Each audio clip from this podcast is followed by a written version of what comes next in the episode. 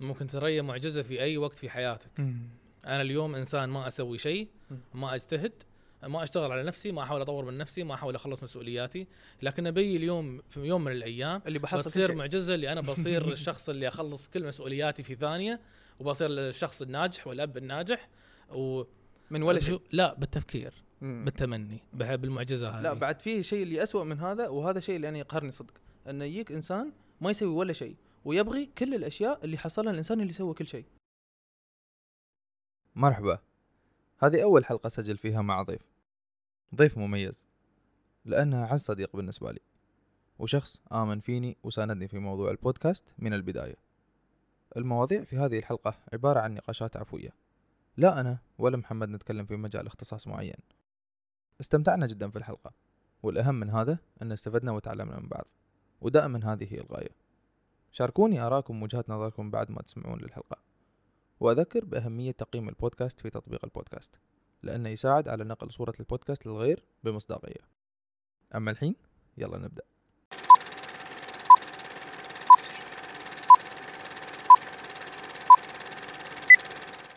السلام عليكم. عليكم السلام. مساء الخير. مساء النور. كم مرة نحن نحاول الحين؟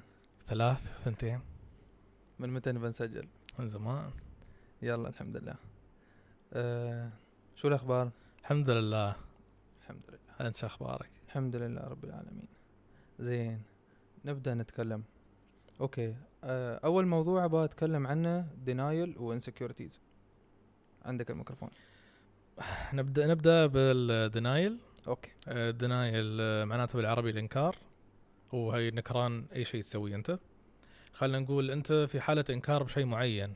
معناته انت قاعد تنكر شيء في الواقع قاعد يصير. مم. هذا المعنى المبسط للإنكار. Okay. أما بالنسبة لل insecurity فهو عدم الثقة في النفس. مهم. هو لها أسباب عدة يعني. زين أه okay. الحين نبى نتكلم أه الناس تنكر شو؟ وليش تنكر؟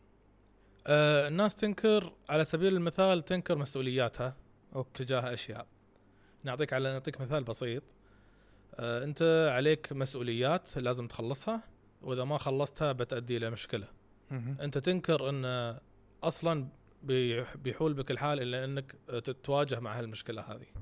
فأنت تنكر وجود المشكلة أصلا. إنزين. فبالتالي تنكر مسؤولياتك. Okay. أه الحين أنا عندي سؤال أه ثاني. السؤال هو هل نحن نواجه هذا الشيء في مجتمعنا الحين بزيادة ولا لا؟ آه، نواجهه ب- بقدر آه، خلينا نقول ما بدون إحصائيات بس مواجهة نعم نواجهة. Okay. آه زين نواجه okay. السؤال الثاني. نحن عندنا فئات عمرية معينة مثلا ناس من 13 إلى 17 18 إلى 24 25 إلى 32 مثلا. شو يعني okay ممكن فئات ال 13 إلى 17 يكونون في denial بس هذا ولد صغير أو بنت صغيرة لين الحين بعدهم ما يفهمون. وممكن هو اليوم يكون عنده insecurity ويكون عنده denial بس مع الوقت يكون هذا شيء أهون أو أخف أو حتى ينتهي نهائيا. شو رأيك؟ نعم صح. لأن أصلا مشكلة الصغار أو الإنكار اللي يواجه الصغار هذا إنكار طبيعي. مهم. مش مترتب عليه مسؤوليات ممكن تأثر على حياته في المستقبل. أوكي. لأن أنت وأنت صغير تخطي وتتعلم بينما وأنت أكبر شوي تخطي وتتعلم بس في خلال هالخطأ مالك أنت ممكن تواجه مشكلة. مم. فأخطاء الصغار لا يعني ما عليها حسبان بقدر الكبار. إنزين. Okay. أه... تكلمنا نحن قبل أنا وأنت على موضوع إن الإنكار أه... يؤدي إلى وايد أشياء. نعم. شو ممكن يؤدي له ممكن يؤدي إلى rock bottom okay. ال rock bottom اللي هو القاع. يعني توصل آم، خلينا نقول أنت قاعد تنكر شيء اليوم تترتب عليه أشياء تنكر زيادة وزيادة وزيادة توصل إلى قاع آم، لا تحسد عليه. مشكلة كبيرة. ممكن تودي ب خلينا نقول آه، مسيرتك المهنية آه، شغلك حياتك مسؤولياتك أهلك. فالقاع هو أسوأ منطقة ممكن واحد يوصل إليها وما يوصلها إلا بعد بعيد. يعني انت مو ب- آه، تنكر شيء يوم شيء وباكر شيء ممكن توصل القاع يبغي لك فترة زمنية طويلة وتوصل للقاع. مم. إنزين. الحين آه، آه، نبى نت... أوكي. نحن تكلمنا أكثر على آه، شو تنكر الناس وليش تنكر وهذا لكن ما تكلمنا بشكل تفصيلي. الحين نبى امثله ليش الناس تنكر وشو اللي هي تنكر أساسا. نعطيك مثال على الإنكار. خلنا نقول أنت عليك التزامات لازم تخلصها في الجامعة. إذا ما خلصتها أو ما درست زين خلنا نقول حق امتحان بتسقط. انت بنفسك إذا قاعد تنكر إن أنت بتسقط- أساسا معناته ما بتدرس وبتنكر وجود المشكلة نفسها.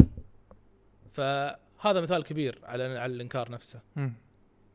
إنزين.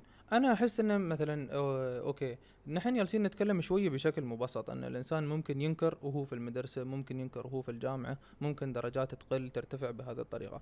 لكن الإنسان ممكن ينكر مسؤوليات أكبر باتجاه الحياة.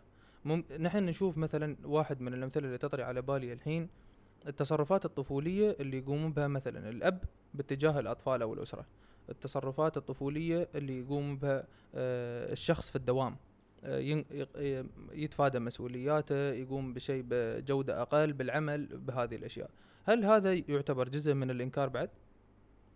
يعتبر بس الإنكار آه، غالبا تجاه مشاكلك أنت مسؤولياتك أنت كيف؟ يعني خلينا نقول العواقب المت- المترتبة على إنكارك أنت أنت الوحيد اللي بتخسر منها مو بجهة عملك أوكي اللي؟ بيخسر اللي بيخسر في جهة عملك. يعني. إذا وصلت القاع أوكي. بت أنت بالتالي هني تأثر على نفسك وعلى اللي حولك مم. وهذا أسوأ من ما أنت تأثر على نفسك إنزين أوكي أنا يعني آه، هذا الحين مو بسؤال هذا بس من وجهة نظري أنا أو شيء أنا شفته الإنسان ممكن يوصل آه، من كثر الإنكار. أوكي آه، قبل أنا اطري مثالي هل الإنكار وتفادي المسؤوليات هو نفس الشيء؟ نعم.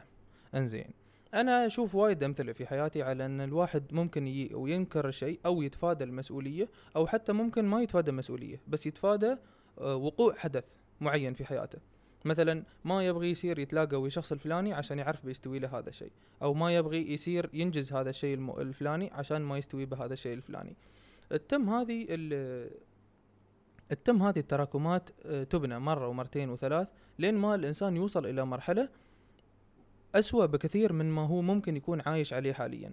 وهذا الشيء آه، ونحن جالسين نطري ال rock bottom هو ما يوصل إلى ال rock bottom مثلا خلينا نقول السنة 12 شهر ما يوصل إلى ال rock bottom أسبوع أو أسبوعين وخلاص. هو عادي يعيش في ال rock bottom عادي يتم مار عليه شهر شهرين وحتى ست شهور هو بعده في ال rock bottom شو تشوف؟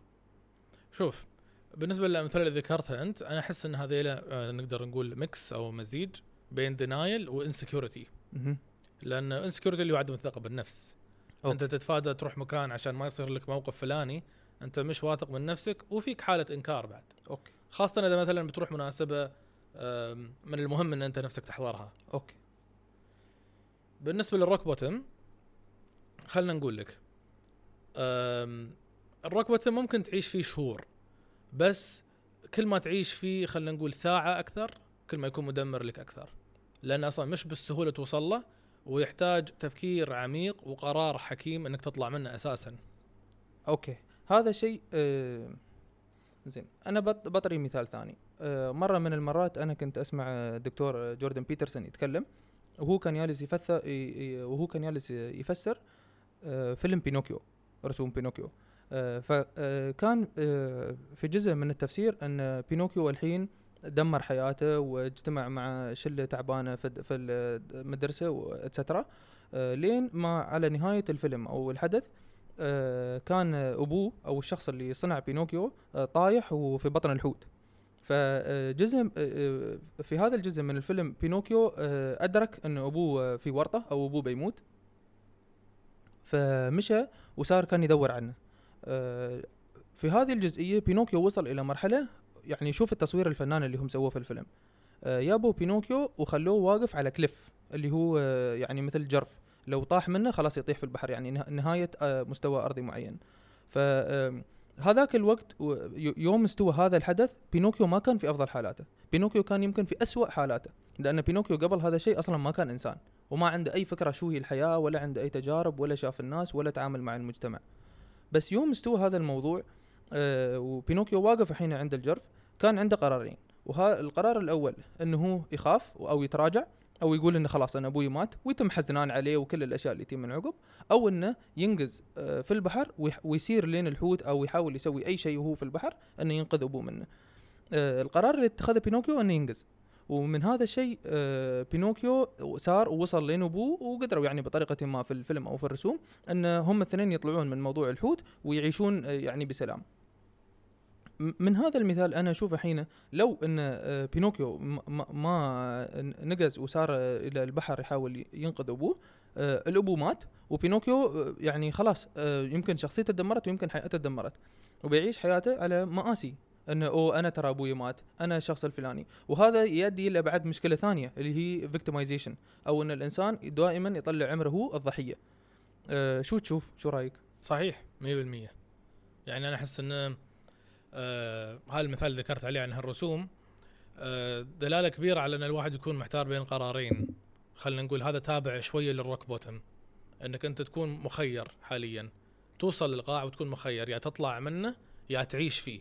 وتتقبل أي عواقب ممكن توصلك بعدين. أه مسكين. صدق الإنسان اللي يوصل إلى هذا الشيء صدق مسكين. بس خلينا نتكلم على موضوع ال victimization أه هذه الصفات كلها صفات سلبية إن الإنسان آه، دائما يلعب دور الضحية أو الإنسان دائما يتريى من ينقذه أو الإنسان آه، يتفادى المسؤوليات أو الإنسان يكون آه، أوكي ال insecurity يمكن ما يعتبر من ضمن الصفات السلبية إلا لو الإنسان كان على إدراك أو وعي إنه هو صدق غير حاس بالأمان وما صار يطلب المساعدة. في مشكلة. آه لي- ليش الناس ما تصير تطلب المساعدة من الناس الثانيين؟ أو مثلا الحين واحد عنده يعاني من مشكلة معينة أو مو بعارف كيف يتصرف يخلي المشكلة في نفسه. أو في شيء أسوأ من هذا الشيء آه هاي مصطلحات آه، بالإنجليزي يعني واحد منها يسمونه repression اللي هو الإنسان يعرف بالشيء ودائما يخليه أو يكبته في نفسه. والمثال الثاني اللي يسمى بال internalization اللي هو إن الإنسان يشوف المشكلة أو يمر بالشيء ويخليه يرد يدخله في نفسه مرة ثانية زيادة. وهذا مثل بالضبط مثل تاير السيارة. تاير السيارة مخلوق أو مصنوع بطريقة إنه هو يكون معبى معبى هو هذا هو ضاغط مو هو عادي طبيعي مو بأكسجين عادي طبيعي. ولكن ال- التاير هذا إذا زاد هو عن شيء معين ينفجر ونفس الشيء في الإنسان. لكن الإنسان ما ينفجر. الإنسان اللي يستوي فيه تطلع من وراه أمراض نفسية تطلع من وراه أمراض جسدية. حتى أنا اليوم يعني اليوم كنت أسمع تسجيل حق وحدة دكتورة أه، بس يعني هي ما وضحت شو هي الإحصائيات أو الشيء اللي من وراء هذا الموضوع أو النقطة اللي هي ذكرتها. بس الشيء اللي هي كانت تتكلم عليه إن العديد العديد من أمراض آه، الناس اللي إياهم آه، الله يعافينا وياكم السرطان آه، من وراء آه، موضوع المشاكل من وراء إن الإنسان يجيب المشاكل أو الأشياء اللي في حياته ويرد يخليها في نفسه ويرد يكبت الأشياء مرة ومرتين وثلاث لين ما هذه الأشياء خلاص خلصنا من موضوع المخ خلصنا من موضوع النفسيات الحين على الجسد انه شو تنفع الإنسان زيادة؟ نعم. آه نعطيك مثال. شوف الإنسان اللي يكبت آه، مشاكله في نفسه مش ضروري يكون أي نوع من البشر هاي كل واحد وشخصيته في الدنيا. مثلا أنا يعني مش أنا لكن أتكلم على سبيل المثال. أي شخص. أي شخص. مم. آه، ما يبغي مثلا آه، يشتكي لحد خوفا من إنه ممكن ما يلقى المساعدة. مم. خوفا من انه على المظهر الخارجي مثلا إذا راح يشتكى لأخ أو أخت إيجو. أو حتى نعم إيجو. أو حتى قريب أو صديق. آه، يتوقع يتوقع ردة الفعل إنها تكون سلبية. إيجو يعني الغرور بس. نعم الغرور. يتوقع إنه ممكن ما حد يساعده. ممكن يتوقع إنه بالنسبة بالنسبة حق الناس مشكلته تافهة. وفي نوع من من البشر اللي يقول لك أنا لا. أنا ليش أبلي الناس بمشاكلي؟ أنا أحلها بنفسي. أوكي. نعم. آه زين. آه آه صدق وأنت جالس تتكلم ذكرت شيء. في آه، دكتور أمريكي وهو طبيب نفسي اسمه دكتور دانيال أمين. آه شفت الفيديوهات ماله من فترة طرشت لك إياه. نعم. آه كان عنده امسات تويت هو كاتب لنا يقول إن مشكلة الإنسان إن الإنسان يفكر إن أي شيء هو فكر فيه صح أو صدق أو fact وبهذا الشيء هو جالس يخلط بين ال idea وال fact يعني هذه فكرة وهذه حقيقة أو واقع. مو يعني كم مرة نحن نفكر في شيء مو بس نفكر فيه نتخذ قرارات في حياتنا تماما خاطئة. فما بالك بالأفكار. إن أنت اليوم جيت فكرت مثلا هو كان جالس يقول إنه كيف الأفكار السلبية والإيجابية؟ ويقول ان أنا ما أؤمن لا بالأفكار السلبية ولا بالأفكار الإيجابية. أنا إنسان واقعي. ولكن الإنسان يعني ما في إنسان يبغي لحياته الشيء السلبي أو يبغي لحياته التجارب السلبية أو الشيء اللي ضده مو بالشيء اللي يبغيه. كل حد يبغي في حياته الأشياء اللي فيها النجاح واللي فيها السعادة واللي فيها الراحة واللي فيها هذه الأمور. طبيعة البشر. هي فكان جالس يقول إنه آه، إذا أنت اليوم جيت فكرت أنا اليوم مو بناجح. زين بس هذه فكرة. هذا مخك يا قال لك. هل أنت فعليا مو بناجح؟ بناء على شو أنت قلت إنك أنت مو بناجح؟ فيوم أنا سمعت هالموضوع جلست أفكر. يعني كم من الناس اليوم نحن نشوفهم في حياتنا؟ أنا مو بوكي في الدوام.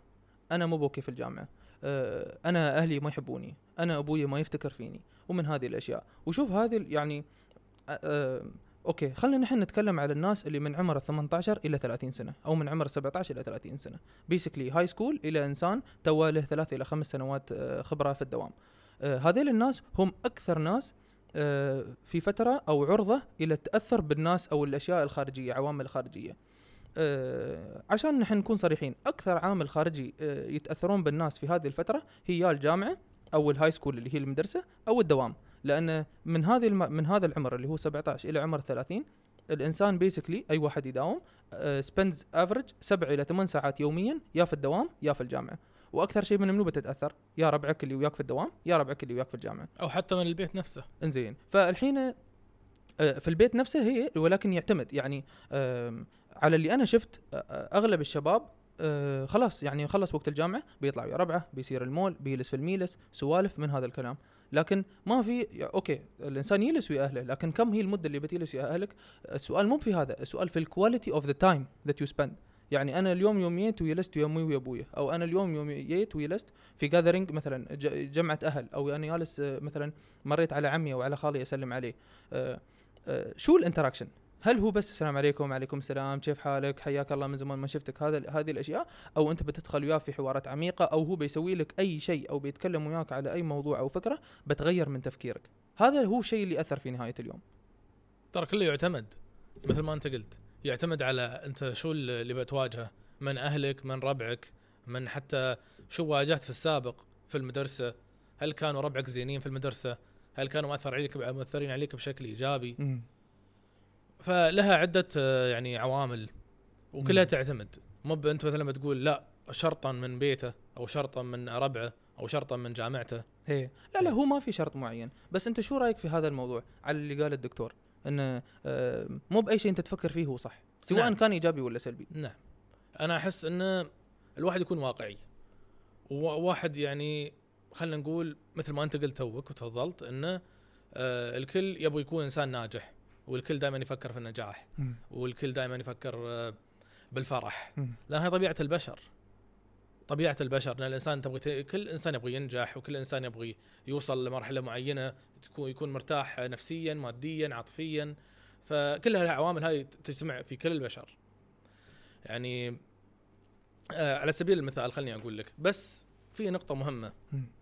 مو بكل إنسان آه يفكر في هذا الشيء معناته بي يعني شو أقول لك؟ بيستوي. مو بإنه بيستوي. ترى أنت تفكر هي بس أي. التفكير أنا أنا وأنت نقدر نفكر. طول الوقت. أي إنسان في الدنيا يقدر يفكر. أصلا المخ هو الشيء الوحيد اللي ما يوقف. نعم. هو القلب طول الوقت يمكن تفكر. حتى وأنت راقد تفكر. أط- أكثر شيء يعانون من الناس وهم بيرقدون التفكير. نعم هذا هو. زين. نعم. زين. أي بس في آه كمية قليلة ويا ليت عندي إحصائيات. مم. في كمية قليلة تعمل على التفكير نفسه. okay. آه ف آه، okay على إن ألو... آه الحين خلينا نتكلم على موضوع ثاني بما ان نحن تكلمنا على هالشيء. من فترة أنت كنت تقول لي على شيء اسمه wishful thinking. اي شو رأيك؟ شوف آه wishful wishful ال thinking أنا سمعتها آه من آه إيلون ماسك إي. آه صاحب شركة تسلا آه أتوقع إنه معروف. سبيس إكس نعم سبيس إكس آه و PayPal رجل معروف وعنده إنجازات بصراحة يعني تبهر الواحد.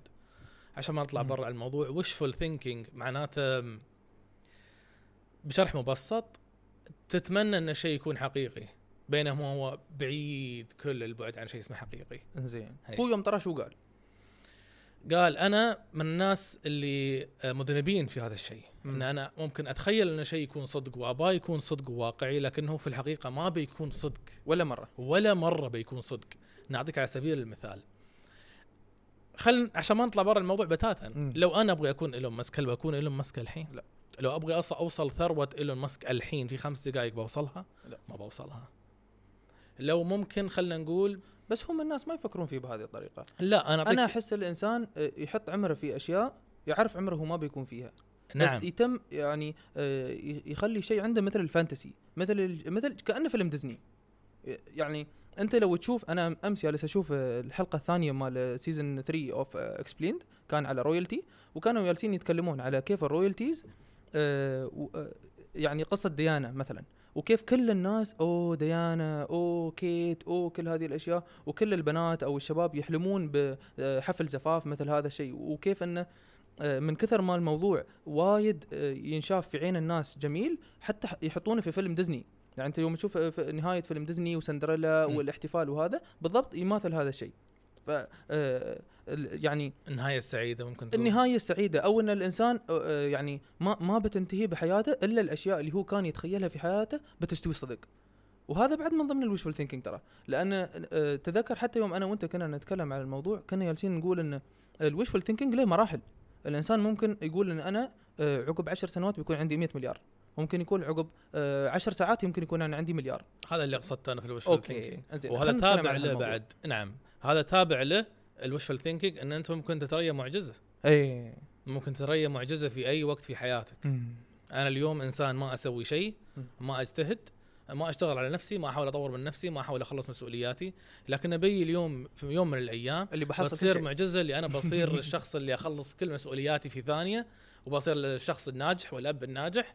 و من ولا شيء. لا بالتفكير مم. بالتمني بالمعجزه هذه. لا بعد في شيء اللي أسوأ من هذا وهذا الشيء اللي أنا يقهرني صدق إنه يجيك إنسان ما يسوي ولا شيء ويبغي كل الأشياء اللي حصلها الإنسان اللي سوى كل شيء.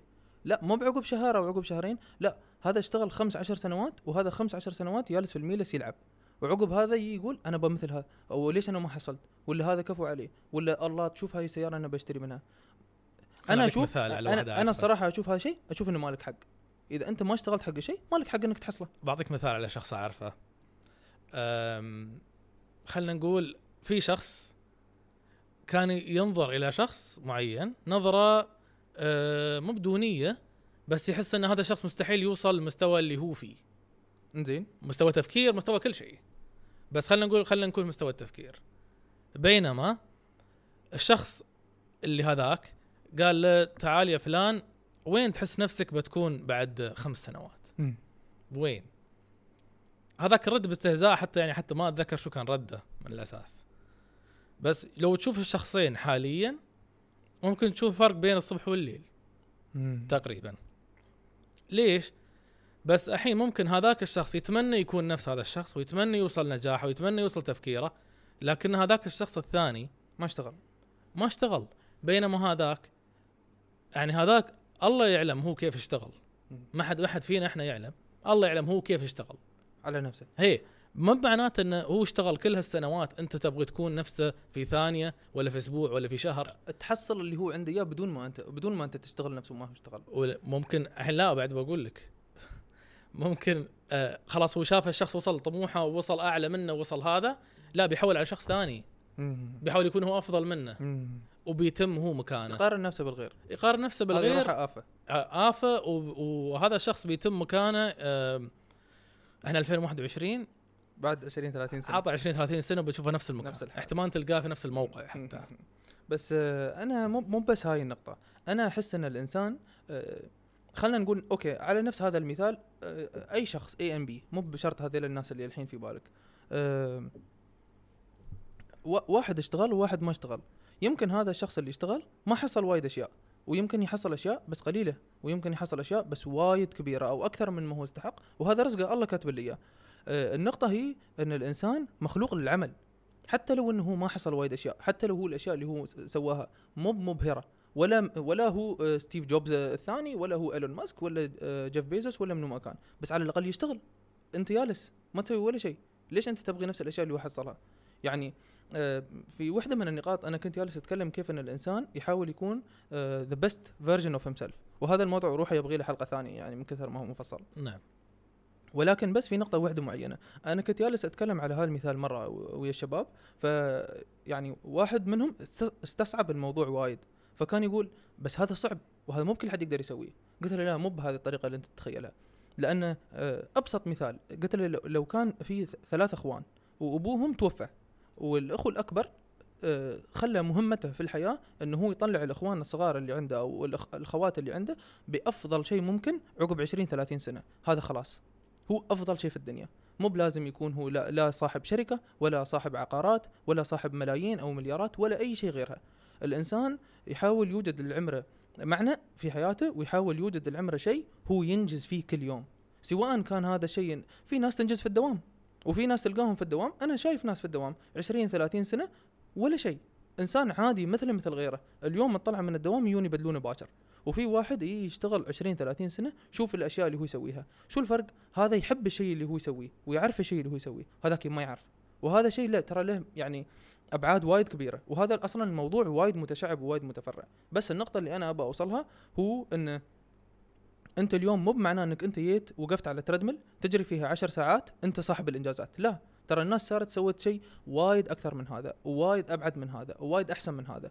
فأنت يوم بتي تسوي شيء مو بعليك إنك أنت بس تي تشتغل عليك إنك أنت تي تشتغل smart إنك أنت تعرف وين تحط ال effort مالك يوم أنت بتي تحطه. ونفس الوقت أنت يوم تفكر الحين أي واحد الحين اللي جالس يسمع هالكلام اللي إحنا جالسين نقوله سواء إنك أنت لازم تشتغل كل يوم أو لازم أنت تشتغل smart مو بس بأي طريقة تشتغل. كل هذه الأشياء ترى لها وايد precursors لها وايد عوامل سابقة أو سالفة أو أشياء بتهيئ هذا الموضوع إنك أنت توصل إلى هذا الشيء بهالطريقة. يعني أنت اليوم لو تجيب مسدس وتقول حق شخص ارمي على الهدف بعد عشر على بعد 20 متر هو مو من أول مرة بيجي بيمسك المسدس ك- كله في العشرة. يمكن ياخذ له شهور شهور يمكن حتى سنوات لما هو يجيد الشيء. بس متى هو بيجيده؟ by working hard and by working smart بيمسك المسدس عدل وقفته التكنيك ماله النفس كل هذه الأشياء تلعب دور. شو رأيك؟ صحيح 100% يعني أنت لو تشتغل ترى أنا أي إنسان في الدنيا ممكن يروح يشتغل في شغلة معينة ويحاول ينجز بس مثل مثل غيره. قاعد تروح تخلص شغلة معينة بافورت أو بعامل بسيط وخلاص أنت تأدي اللي عليك بينما الشخص الثاني يجي وعارف ليش بيشتغل وعارف شو بيجني هو لنفسه. بعيد كل البعد عن آه، القيمة المادية. إحنا نتكلم عن قيمة الشخص نفسه. لنفسه. لنفسه. ابدا الواحد ما يفكر في القيمة المادية. أنا لو جيت أبغى أتعلم شيء هذا لنفسي. أنا اللي بتعلم. صح. بينما أنا لو بروح أتعلم شيء بغرض إني أنا أكسب شيء من وراه أنا قاعد أسوي شيء مبسط لي بطريقة معينة. أخلصها والسلام عليكم. أي واحد يعقب يرد يسوي نفسه. المشكلة لأن أنا لو رحت اليوم أنا لو في العمل أو في ال- الموضوع هذا سويت هالشيء واختفيت باكر في ألف واحد جاهز. بيسوي نفس الشغله اللي أنا بسويها. ويمكن أحسن. اي ففي فرق كبير بين الواحد وين يحط قواه وين يحط التكنيك. والمهارات في أشياء معينة للاستفادة من النفس نفسه يعني. okay. بنطلع من هذا الموضوع الحين. الحين بتكلم على موضوع ال rock bottom اللي نحن تكلمنا عنه في البداية. نعم. فكنا نحن آه، جالسين نقول إن الإنسان ممكن يوصل إلى ال rock bottom وممكن يتم في أسبوع وممكن يتم في سنة. شو مسؤولية الأهل ومسؤولية الناس اللي حوالين هذا الشخص أو اللي من ضمن ال social circle ماله باتجاه هذا الإنسان اليوم؟ اللي يواجه rock bottom اللي يواجه أو اللي يواجه ال rock bottom أو حتى قريب من ال rock bottom أو حتى آه، جالس يتصرف بطرق وايد سلبية أو مخلي الدنيا آه، مو مخلي الدنيا يتعامل مع الدنيا بطريقة سلبية. آه، يمكن الإنسان لو هو عمر ال 20 25 30 سنة يكون هذا شيء شوي أصعب أو إن ال- الكلام أو ال ال أو ال الأشياء اللي بتيه من ضمن هذه العوامل الخارجية اللي هي الأهل أو الأصدقاء أو غيرها بتكون أبسط من لو كان هو ياهل أو طفل أو لو لو كان هو طفل شو, شو تشوف هالموضوع؟ لو طفل الروك بوتم آه يكاد يكون غير موجود أساسا اي صح إيه. صح ولكن خلينا نقول اليوم هو في عمر ال 15 أو ال 18 أو ال 20 سنة هو يعني مارس أي شيء من العادات السيئة أو أو رفقاء السوء أو قام يطلع وياهم أو أثروا عليه وغيرها من هذه الأشياء.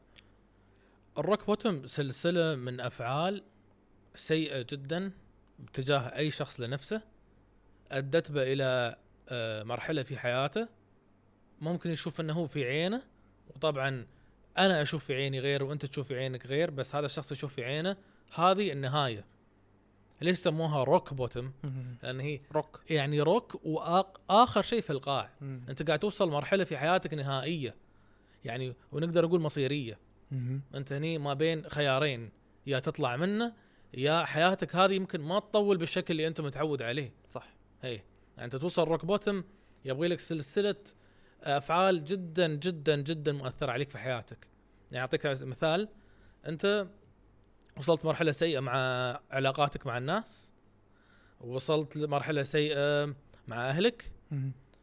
ومنها منها فراق الحبيب ومنها خسارة شخص ممكن توصل okay لو تجمعوا مثلا هاي الأربعة مش شرط هذه الأربعة أنا أكرر.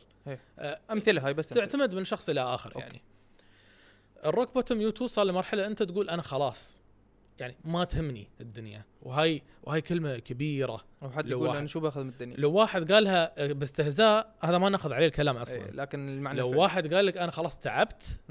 معناته ما وصل ما قالها تعبت إلا لأنه خلاص يعني بالمصطلح العامي بهدلت الدنيا من كل صوب مم. وهذا مزعج لكنه مش مستحيل أنت مو باليوم توصل روك بوتم تقول خلاص سلمت أمري أنا ما في شيء في الدنيا. ولا أنا ما بعيش ولا أنا ما بسوي. توصل روك بوتم عندك خيارين. خيارين مهمين. مم. إنك أنت تطلع منه من الروك بوتم أو إنك تكمل فيه. وتكمل فيه معناته أنت تدخل في آه، خلينا نقول كهف أسود. أنت ما. تعرف شو يطلع لك أصلا.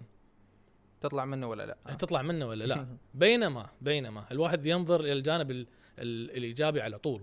في كل شيء في الحياة لو تنظر له بالجانب الإيجابي بتط- بتطلع منه شيء إيجابي. صح. هي لو نظرت الروك بوتم إن أنت خلاص مخير بين خيار تكون تبغى تطلع منه فكر في أشياء حس أنت شو قاعد تحس حاليا لو وصلت الروك بوتم أكيد شعور. سيء. كيف؟ أكيد شعور سيء. لا حس إن نعم أكيد هو شعور سيء بس أنت حس هل أنت راضي باللي أنت فيه؟ لأن اللي يوصلون هالمرحلة ما يفكرون إلا خلاص هذه النهاية فالتفكير يكون مسدود تقريبا عندهم. شوف أنا بقول لك شيء. أنا أحس إن يعني حتى الحين وانت جالس تتكلم أنا وايد جالس أربط موضوع ال- الوصول إلى الروك بوتم أو العادات السيئة بالوناسة اللحظية أو instant gratification أو instant satisfaction يسمونه بالإنجليزي نعم آه، لأن الإنسان ليش بيسوي عادات سيئة؟ عادات سيئة مثل آه، مخدرات مثل آه، وايد أشياء يعني في وايد أمثلة. م. كل هذه العادات الإنسان يمر فيها ليش؟ عشان هو بيستانس نفس اللحظة. خلنا لا نبعد على أشياء وايد آه، صعبة أو وايد أو في الأشياء في الحرام. أبسط شيء أكل binge eating في ناس بس تاكل بس بدون سبب. كم ناس اليوم نحن عندنا عندهم obesity كم يعني أنت لو تشوف الخليج تشوف الإمارات وتشوف السعودية وتشوف أمريكا يمكن هاي الدول من آه، يعني دول آه، عالية عالية جدا مستوى السمنه فيها. آه، اليوم لو نحن نتكلم ترى الأكل عادة سيئه وأنت تاكل بدون سبب بس عادة سيئه والإنسان يعني كم منك أنت تي تاكل sugar أنت تعرف شو كثر الشجر فيدز انكزايتي يعني ال- اللي هو إن الإنسان يتم- يحس إنه هو مو مرتاح. بس إنك أنت تتم تاكل أشياء فيها شكر تزيد هذا الشعور وايد. أكيد. وأنت لو هذا شيء تم يزيد عندك مرة ومرتين وثلاث بيسبب لك مليون مشكلة. نفس السيارة الحين أنت جالس في السيارة مرتاح وأنت جالس في السيارة مو مرتاح ويوعان وتبغى ترد البيت مستعجل وحر وزحمة وكل هذه الأشياء. أنت بتسوق وأنت نفس الراحة؟ مستحيل. فهذه الأش... يعني آه هذيل الاثنين كلهم مرتبطين بال instant satisfaction أو ال instant gratification الإنسان آه آه يعني أنت ما يقدر الإنسان يتم يربط نفسه بأنه هو آه يستانس الحين أو يستانس نفس اللحظة أو يلقى ال outcome نفس اللحظة. بالعكس نحن آه، أنا مسات تذكر ال- الفيديو اللي أنت طرشت لي مال ويل سميث. أنا سمعت المقابلة كاملة. مقابلة كانت ويا واحد اسمه Jay Shetty اسمه البودكاست On Purpose فكان آه ويل سميث يقول إن الإنسان لازم على على يعني for him to live life right إنك أنت تعيش الحياة بطريقة صحيحة لازم إنك أنت آه، تبط تبطل أو آه، ما تربط العمل بال outcome أو الشيء اللي أنت تسويه بالنتيجة أو بالشيء اللي طلع لك يعني المدخلات بالمخرجات أو العمل بالمخرج اللي أنت لقيته. مو يعني في وايد ناس آه، حتى تتذكر لو نحن طرينا هذا المثال كنا جالسين نقول إنه كم من الناس بس على سبة إن هي مرت في موضوع مثل هذا ووصلت إلى الفشل خلاص. آه، طلعت من هذا الموضوع I quit ما برد أعيد هذا الشيء مرة ثانية.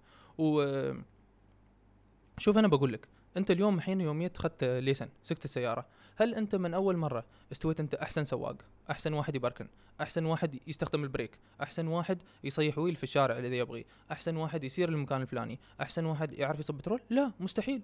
خذ لك سنوات يمكن تلين الحين 10 سنوات 20 سنة عندك ليسن بعد تتعلم. وهذا شو؟ هذا تسوق سيارة. وهذا شيء أنت كل يوم في حياتك تمارسه.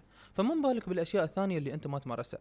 لو الإنسان اليوم يشوف هو كم شيء زين وشيء مو بزين هو يمارسه يعني مو بشرط مو بزين يكون شيء يرد عليه بالشيء آه، ممكن حتى يكون الإنسان يضيع وقته. ممكن يكون وايد أشياء. الأشياء اللي أنت تمارسها مو بشرط أنك أنت تجيدها من أول مرة. وخص يعني هذا أكثر الناس اللي يواجهونه يكونون في عالم ال business فتلقى الشخص اللي في عالم ال business يا فتح له business مرة واحدة أول شيء يسويه تسلف أكثر مبلغ ويقدر يسلفه حطه في فكرة واحدة بدون خطة ي- يابوا له ياب له واحد ولا اثنين ما سوى آه، ما جهز ولا أي شيء يا استوى الموضوع فشل أنا مديون أنا تسلفت آه، business فاشل أنا ما أعرف أتصرف كلها. مو بشي مو بهذه الطريقة. الواحد يوم يبدأ لازم يصير يتعلم الأساسيات. لكل شيء في الدنيا في أساسيات. أنت حتى تمرين اليوم لو ما سويت stretches وهذا من أول يومين تجري ع- عشر دقائق على ال treadmill يتك إصابة ولا يك شد. فكل هذه الأشياء بعد تلعب دور وايد كبير. شو تشوف؟ نعم صحيح. آه خلينا نقول لك على سبيل المثال آه خلينا نقول آه مثل ما أنت قلت في البودكاست اللي اسمه On Purpose هي. آه في أشياء حتى ممكن نتكلم عنها ويل سميث اللي هو ال self esteem هي خلينا نقول. آه آه هالبودكاست بصراحة يعني أنا ما أعرفه وما أنا مم. ما شفت منه إلا فيديو واحد. هي. لكن كان مؤثر لي حتى بكلمة self esteem إن أنت ما تربطها بالأشخاص. حتى. صح صح. هي. قال أول شيء. هي. مم. يعني إن self esteem معناته الثقه بالنفس. الحين أنا آه، أو أي شخص على سبيل المثال آه، في أنا عندي ثقة بنفسي. المفروض على أي إنسان على أي إنسان في الدنيا. ثقته بنفسه ما يهزها أي شخص. آخر. ما يهزها ما يهزها أي شخص لا أمك لا أبوك لا أخوك صح. لا أي شخص في الدنيا. لأن ليش خلينا نقول self esteem مثل ما قال ويل سميث بالضبط. self esteem about self yourself صح. مو على الناس. ال self esteem ثقتك بنفسك ولنفسك فقط. من أحلى الأشياء اللي سمعتها والله. أنا من الاشياء اللي أثرت فيني وحتى يعني تفكرت وفي أشياء مواضيع متفرعة من هالكلمة أساسا. صح. اي فال self esteem خلينا نقول شيء كبير إن أنا ما أربطه بشيء اي شخص آخر لأن أنا لو ربطت آه، ثقتي بنفسي بأي شخص آخر هذا الشخص الآخر اللي أنا معتمد عليه على ثقتي بنفسي لو اليوم هذا الشخص قال لي كلمة جرحتني أو ما دخلت. مزاجه أو ما يعني الناتج إن أنت السلف استيم بيكون مالك يعني بالعامية ولازم هالشيء أقوله بالعامية بيكون في الأرض. وإذا كان في الأرض بتروح أنت في الأرض. لأنك أنت ربطت فيه. لأن أنت ربطت ثقتك بنفسك فيه. في بشر. وهذا ال- كل إنسان عنده مزاجه. اليوم مزاجه زين باكر مزاجه مو بزين. اليوم له بارد يكلمك باكر ما له بارد يكلمك. تخيل إن أنا أربط نفسي ثقتي بنفسي بشخص. تعرف هو شو؟ هو آه هو هو يربط ثقته بنفسه بشخص ثاني لكن ما يربطه بالشخص. يربطه بال approval مال الشخص. و validation بالشخص. اي validation نعم. بس أنت تعرف يعني نحن عندنا بطبيعة آه، خلق البشر ال- الحرمة تحتاج validation من الريال والريال يحتاج validation من الحرمة علشان هم يعيشون في تناغم. نعم. سواء كان في آه، بين آه، واحد ويا أمه واحد ويا أخته واحد ويا زوجته واحد ويا أطفاله شو ما كان هذا الشيء. لكن أنت لو تيجي تتكلم okay الحين احتياج الحرمة لل validation من الريال أو العكس هذا شيء يعني خلقي لأن الله خلق الزواج وخلق هذا الجنس وهذا الجنس غير عن بعض. فهم يحتاجون إلى أشياء من بعض علشان يكونون متكاملين. أو basically كل واحد منهم يكمل نفسه فهم ويا بعض يكون يكملون بعض. لكن إنك أنت تيجي تتكلم إني أنا آخذ ال approval مال إني أنا إنسان ناجح إني أنا إنسان جسمي زين إني أنا إنسان عندي فلوس كفاية آه، السيارة اللي أنا أسوقها آه، وين الأماكن اللي أنا أسير الساعة اللي أنا لابسنها المطعم اللي أنا تعشيت فيه. الحين وصلنا لهذه الدرجة بعد. كل هذه الأشياء الإنسان يحتاج منها approvals تلقى الواحد أول ما يدخل مطعم ولا أول ما أخذ سيارة ياخذ سيارة ما يحط عليها مخفي شوفوني أنا. وصار مطعم يصور شوفوني أنا قدرت أتعشى في المطعم الفلاني. واحد خذ ساعة ياخذ أكثر ساعة معروفة إن هي من ال brand الفلاني علشان الناس لو شافوه يقولون هي هذا فنان مشتري من هاي من هاي الشركة. أو هذا يعرف يشتري سوع أو هذا بالشيء المثالي. كل هذه الأشياء آه، تراها approvals في نهاية اليوم. إنك أنت تي يعني وبعد هذه أمثلة إن الإنسان ممكن يوصل إلى إنه هو ياخذ ال approval ماله أو ال validation من الناس الآخرين. يعني شيء ناس ما يأثرون فيه ولا أي شيء. لكن لو كان ياخذ ال approval من أمه أو من أبوه أو من أخوه أو أخته ناس عايشين وياه في نفس المكان في البيت. تعرف هذا الشيء شو معناه؟ معناه إنه هالانسان ما بيقدر يكون نفسه. لأنه هو كل شيء جالس يحاول يسويه كل يوم إنه هو يرضي الناس الثانيين. معناه ممكن أنا اصير أتمرن أكثر ما أنا أقدر. معناه إني أنا ايود كتاب أقرأ وأنا أصلا مو فاهم شو مكتوب فيه. معناه إني أنا أجي وأتفلسف أحاول أقرأ مواقع في النت عن الاقتصاد وعن السياحة وعن السياسة وكل شيء عشان يجي أتكلم قدام أبوي يشوفني أنا واحد فاهم. كل هذه الاشياء تراها approvals شوف الشخص هذا اللي تكلم عنه مو بس يدور ابروفل من الناس. هذا رابط الابروفل ماله بسلع. نعم. صح. بسلع. أنا اليوم أنا اليوم ألبس ساعة معينة أروح مطعم معين. أو أروح أشوف الناس إنه شوفوني أنا في المكان الفلاني. أنا رابط عمري بصحن ومطعم. صح. حرفيا. لا لو ما شافوه بعد ما يستأنس. لو ما شافوه ما يستأنس. أنا أعطيك مثال في بالي. خلينا نقول أنت راكب سيارة okay؟ ومثل ما قلت أنت آه الناس اللي تاخذ سيارات جديدة مثلا ما تحط عليها مخفي اللي هو العازل. مم. تكون يبغون يبغون الناس آه تشوفونه. يبغي الناس تشوفه. سؤالي للناس اللي تي يعني بهالطريقة يفكرون. الحين أنت تتوقع أن الشخص لو شافك بالسيارة هذه بيقول ما شاء الله عليه راكب السيارة هذه ولا بيتخيل نفسه هو راكب السيارة؟ صح.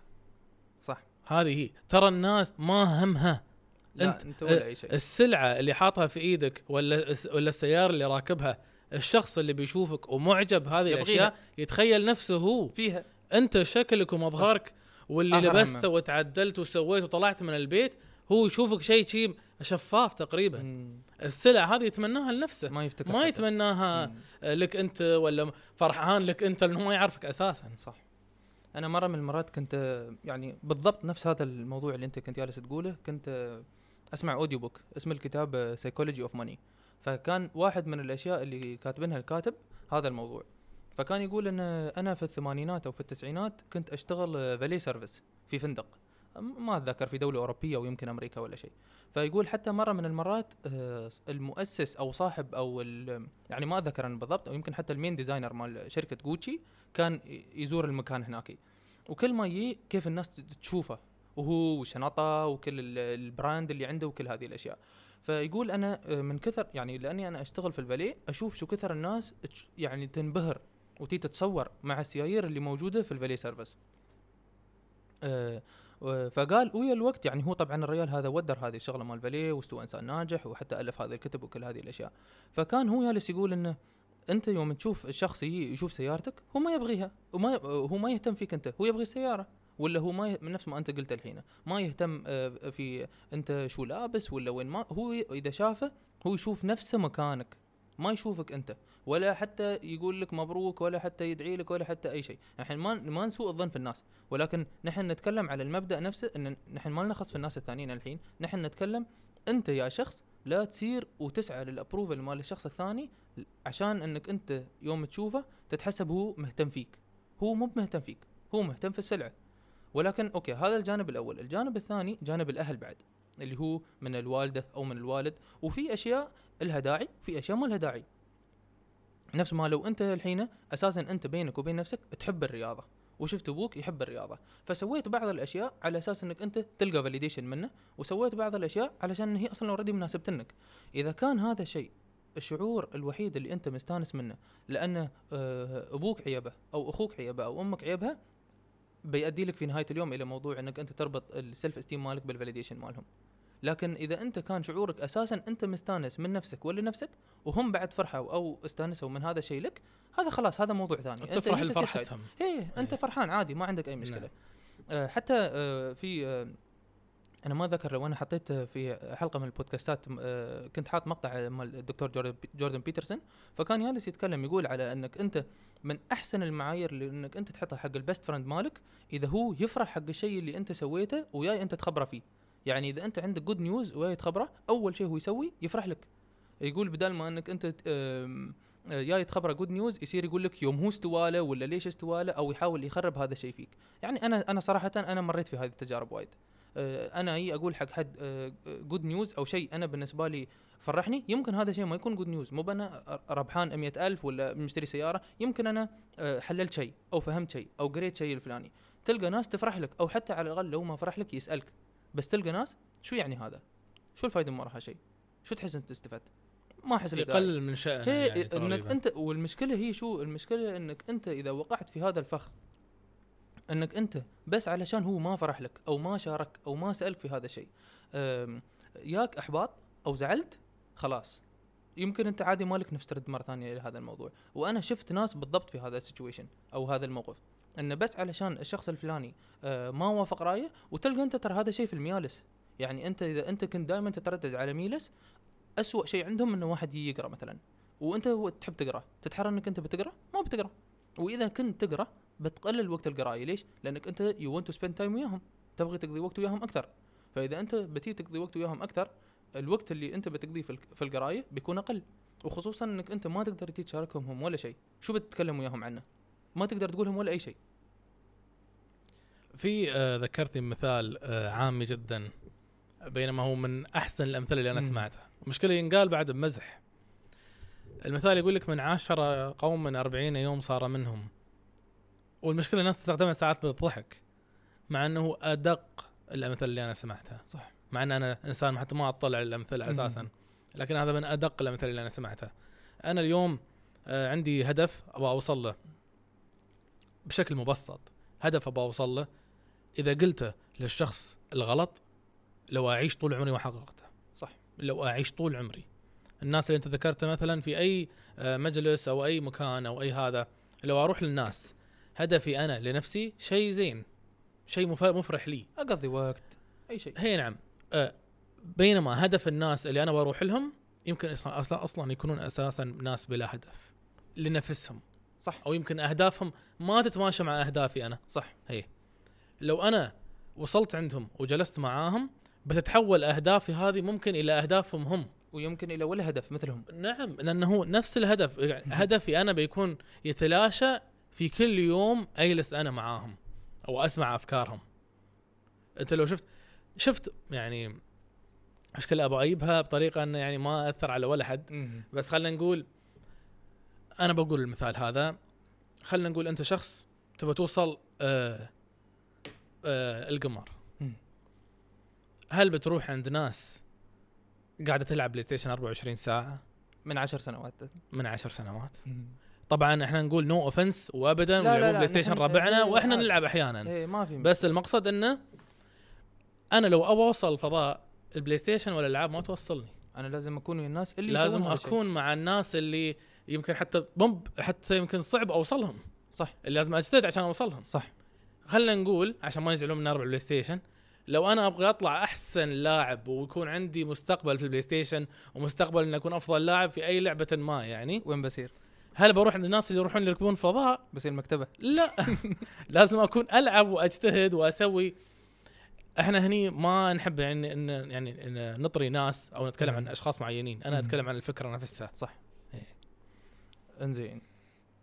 خلينا نتكلم الحين على emotional intelligence أو الذكاء العاطفي. أه واحدة من الحلقات الحلقة يمكن الحلقة الرابعة أظني أنا تكلمت على موضوع الذكاء العاطفي وأهميته. أم، ليش أنا يا في بالي الحين الذكاء العاطفي؟ أه بس على أساس موضوع الروك بوتم أو على أساس موضوع خلينا نقول العادات السيئة اللي الإنسان ممكن يحط عمره فيها. اليوم أنت إذا كنت تعرف كيف تتعامل مع الناس مثل يعني بعض الأشياء آه، هي تعتبر إضافية لأشخاص وأساسية لأشخاص آخرين. body language اللي هي لغة الجسد آه، علم النفس هو سيكولوجي إنك أنت تع- تعرف شو الكلام اللي تقوله حتى تنتقي الكلام وتنتقي المواقف. كل هذه الأشياء تأثر أثر وايد كبير وحتى ال facial expressions اللي هي التعابير اللي على الوجه. ف كان في آه، دراسة أو إحصائية تبين أن الكلام اللي أنت تقوله من ثمك هو يعتبر آه، نسبة آه، بسيطة أو ضئيلة من ضمن ال 100% of expression أو التعبير اللي أنت تعبر فيه. بينما باقي التعابير تكون يا على وجهك يا من لغة الجسد اللي هي يعني على وجهك أو من لغة الجسد. فاذا أنت اليوم كنت في البيت وكان عندك مثلا أطفال أو كان عندك إخوانك الصغار أو أخواتك الصغار أنت كل ما أنت فهمت هذا الموضوع أكثر اللي هي آه، تعابير الوجه أو لغه الجسد وغيرها كل ما أنت عرفت إذا في شيء في الشخص الثاني ولا لا. كل ما أنت عرفت لو أنت قلت كلمة جرحت الشخص الثاني ولا لا. شفت يتعامل وياك ولا لا. حتى نبرة الصوت آه، عالي واطي هذه الأشياء هي كلها تلعب دور وايد كبير. فإذا أنت اليوم جيت مريت في ظرف وشفت شخص دائما صوته واطي دائما منطوي ما له مزاج حتى الأكل ما يشتهي ياكل شيء بسيط هذا تعرف إنه في شيء. ولا وهذه الأشياء كلها آه الإنسان لازم يستدل فيها على تعامله مع الناس عموما. مو مع شخص واحد بس آه، في البيت أو متى ما هو في مزاجه يستخدمها ولا لا. لأنك أنت كل ما استخدميتها أنت مو بس آه، تريح نفسك أنت تريح حتى الآخرين. يمكن أنت مو بتريحهم يمكن أنت تطلعهم من ورطة يمكن أنت تطلعهم من مشكلة يمكن أنت تفيدهم في شيء معين. آه، هذا الشيء يعني أنا آه، في مرة من المرات كنت أسألك وحتى سألت آه، العديد من الناس يعني حتى الشباب وغيرهم إن إذا كان عندك شيء واحد تبى تعلمه الناس شو بتعلمهم؟ أو شيء واحد كل الناس في الدنيا بيستفيدون منه شو بيكون؟ ف آه، أنت كنت أول شخص أنا سألته هالسؤال ويوم أنت رديت سألتني أنا قلت لك آه، الذكاء العاطفي. هو أصلا فعليا يعني نحن عندنا اللي هو IQ intelligence quotient وعندنا EQ اللي هو emotional quotient بس أصلا emotional quotient مو موجود ولا هو أصلا شيء فعليا موجود علميا ولا هو يقاس. ولكن من كثر ما تجمعت هذه العناصر أو العوامل الناس طلعت بهذا الشيء. وحتى في آه، كاتب يعني عنده كتاب يتكلم كتاب بشكل مفصل على كل الأشياء اللي تخص آه، الذكاء العاطفي. شو تشوف؟ شوف أنا بالنسبة للذكاء العاطفي أنا اشوفه من أهم الأشياء اللي الواحد يتعلمها. لكن خلينا نقول مش كل واحد يبغى يتعلمها. ممكن ناس تقول لك أنا شو يهمني في في لغة الجسد؟ مم. شو يهمني في الناس شو يفكرون؟ صح. أنا يعني أبغى أكون بتكلم بطريقتي البسيطة إيه. وبحاول أكون لطيف مع الناس وهذا كفاية بالنسبة لي. ولكن آه أنت اليوم إذا ويا أهلك في البيت أو ويا أخوانك الصغار وغيرهم آه كل ما أنت كنت فاهم في الذكاء العاطفي أكثر كل ما أنت قدرت تساعدهم أكثر. بلا شك. وقدرت تكون وياهم أنت الشخص الأحسن أصلا. بلا شك. أنا بعطيك مثال من الأمثلة. اليوم أنت تحب الكرة. أنا ما أحب الكرة. كل مرة نحن نرد نيلس أنا وأنت أخوان okay؟ كل مرة نحن نرد نيلس أنت شو تسوي؟ شفت ميسي كيف جاب جول؟ شفت رونالدو وين صار؟ شفت هذا اللاعب انتقل؟ أنا شو أول خمس سبع دقائق mute تليفوني. ما بسولف ما أرد عليك كل هذه الأشياء. بطبيعة الحال أنت أول ما تشوف هذه المواضيع تعرف إن أنا خلاص أنا I'm not interested أنا مش ما مش بسولف مهتم أنا بموضوعي مو أساسا. مهتم لا في الموضوع مم. ولا في الجلسه وهذا الشيء إذا تم يتكرر مرة ومرتين وثلاث على مو بس موضوع الكرة عدة مواضيع أنا ما لي اهتمام فيها. خلاص أنا ما بقدر أجلس وياك مرة ثانية. هذا حتى شو ونحن إخوان. مو بمعنى الواحد هذا أخوه غصب بيجلس وياه هو يحبه. ما في مشكلة في ال- الحب ولا التقدير ولا الاحترام هذه أشياء ثانية. وإني أنا اي أجلس ويا شخص أستمتع في إني أنا أقضي وقت وياه؟ غير. والموضوع الثاني مو بس أنا أستمتع يفترض إني أنا أستفيد من وقتي وياه وأنا جالس. أنا كنت أتكلم في واحدة من الحلقات على موضوع الاستفادة والوقت. لكن أنا بقول لك نقطة. شفت تو يوم أنت جالس تتكلم على موضوع انه آه إذا أنا باسير الفضاء وربعي اللي يلعبون بلاي ستيشن هذيل ربعي اللي يلعبون بلاي ستيشن مو معنى هذيل الناس سيئين. نفس ما أنت قلت. لا طبعا. إيه هذا هي النقطة شو؟ النقطة إن أنا هذيل ربعي اللي يلعبون بلاي ستيشن إذا أنا باسير الفضاء هذيل ربعي اللي أنا أستأنس وياهم. اجلس وياهم أستمتع في الجلسة ألعب وياهم بلاي ستيشن حتى ما في مشكلة. ولكن هذا وقت آه راحة. راحة مو play أنا راحة لعقلي. لأن العقل على أساس يشتغل بأفضل طريقة ممكنة يحتاج الراحة. ما في أي إنسان تي تخليه يشتغل سبع عشر ساعات بيشتغل 100% مثل ما هو. لا طبعا. خلينا نقول هذا ذكرني الموضوع على موضوع ال emotional intelligence على شيء على كتاب قريته. وبديت أقرأ فيه من قريب. الكتاب اسمه Surrounded by Idiots للكاتب توماس اريكسون أتوقع صحيح؟ إيه. اي نعم. آه، قسم الناس توماس اريكسون على آه، ألوان. كان الأحمر والأزرق والأخضر والأصفر. ما بدش في مواضيع آه، وادخل في مواضيع وايد على الألوان هذه لكن لأنها يعني يبغى لي يمكن ساعتين زيادة عشان إيه، اشرحها موضوع طويل. هذه. موضوع طويل جدا. بس إن فكرة الألوان إن مثلا أنا شخص أحمر هذه خصائص هذه الخصائص اللي أنا أتمتع فيها. شخص أزرق نفس نفس الشيء والأصفر والأخضر. لو كان أنا عندي emotional intelligence أعلى شوية أو اطلعت آه، له أكثر بعرف أتعامل مع بعرف أتعامل مع كل شخص. اي بعرف أتعامل مع كل شخص. زين. هي فخلنا نقول آم، الشخص ال- الأخضر والأصفر ممكن أشخاص ما يعني ما آه، خلنا نقول يتجانسون مع بعض والأحمر والأزرق كذلك. هي. لو بدخل في المواضيع أنا المشكلة ودي أدخل في الموضوع بس بيطول وايد. okay. إي نعم. زين نتكلم على موضوع Surrounded by Idiots شو إحساسك؟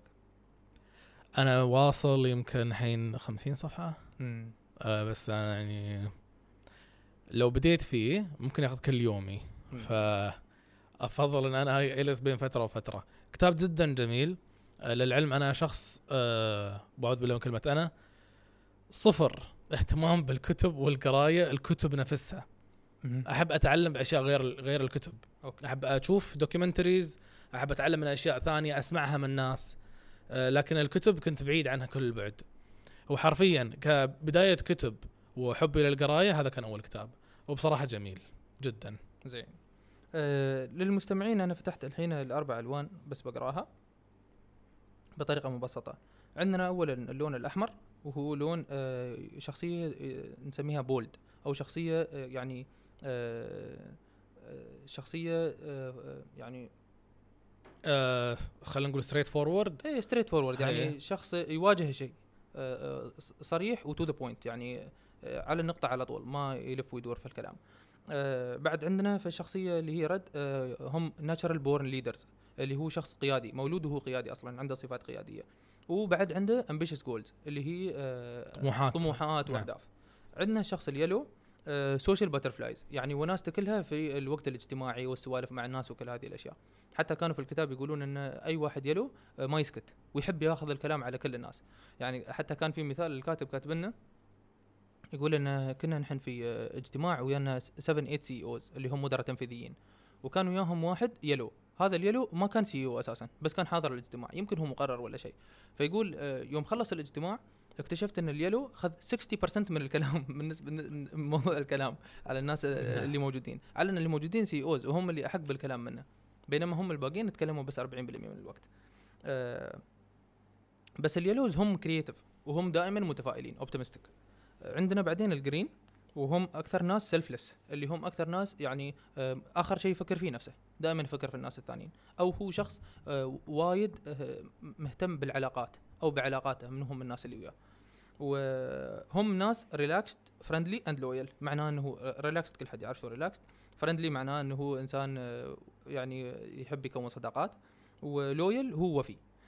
عندنا بعدين blue اللي هو keen mind يعني وايد يركز على النقاط و analytical and detail oriented analytical يعني تحليليين و detail oriented يعني وايد يهتم في التفاصيل.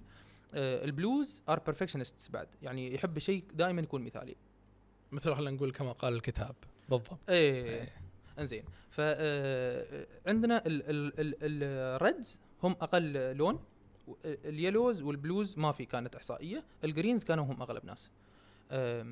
الحين آه، أنت يوم شفت الألوان شو شو شفت؟ عموما يعني بس شعور عام. عموما أول شيء حبيت أشوفه في الألوان إن أنا أي واحد منهم. أوكي. اي و... واللي شيء أهم من أنا أي واحد منهم لأن هذا اللي أي أنا أي واحد منهم هذا لنفسي. صح. الأهم إن أنا أشوف الناس اللي حولي. بديت حرفيا حرفيا بديت أشوف الناس بالألوان. مم. أغلب الأشياء أشوفها بالألوان. شو تحس استفدت؟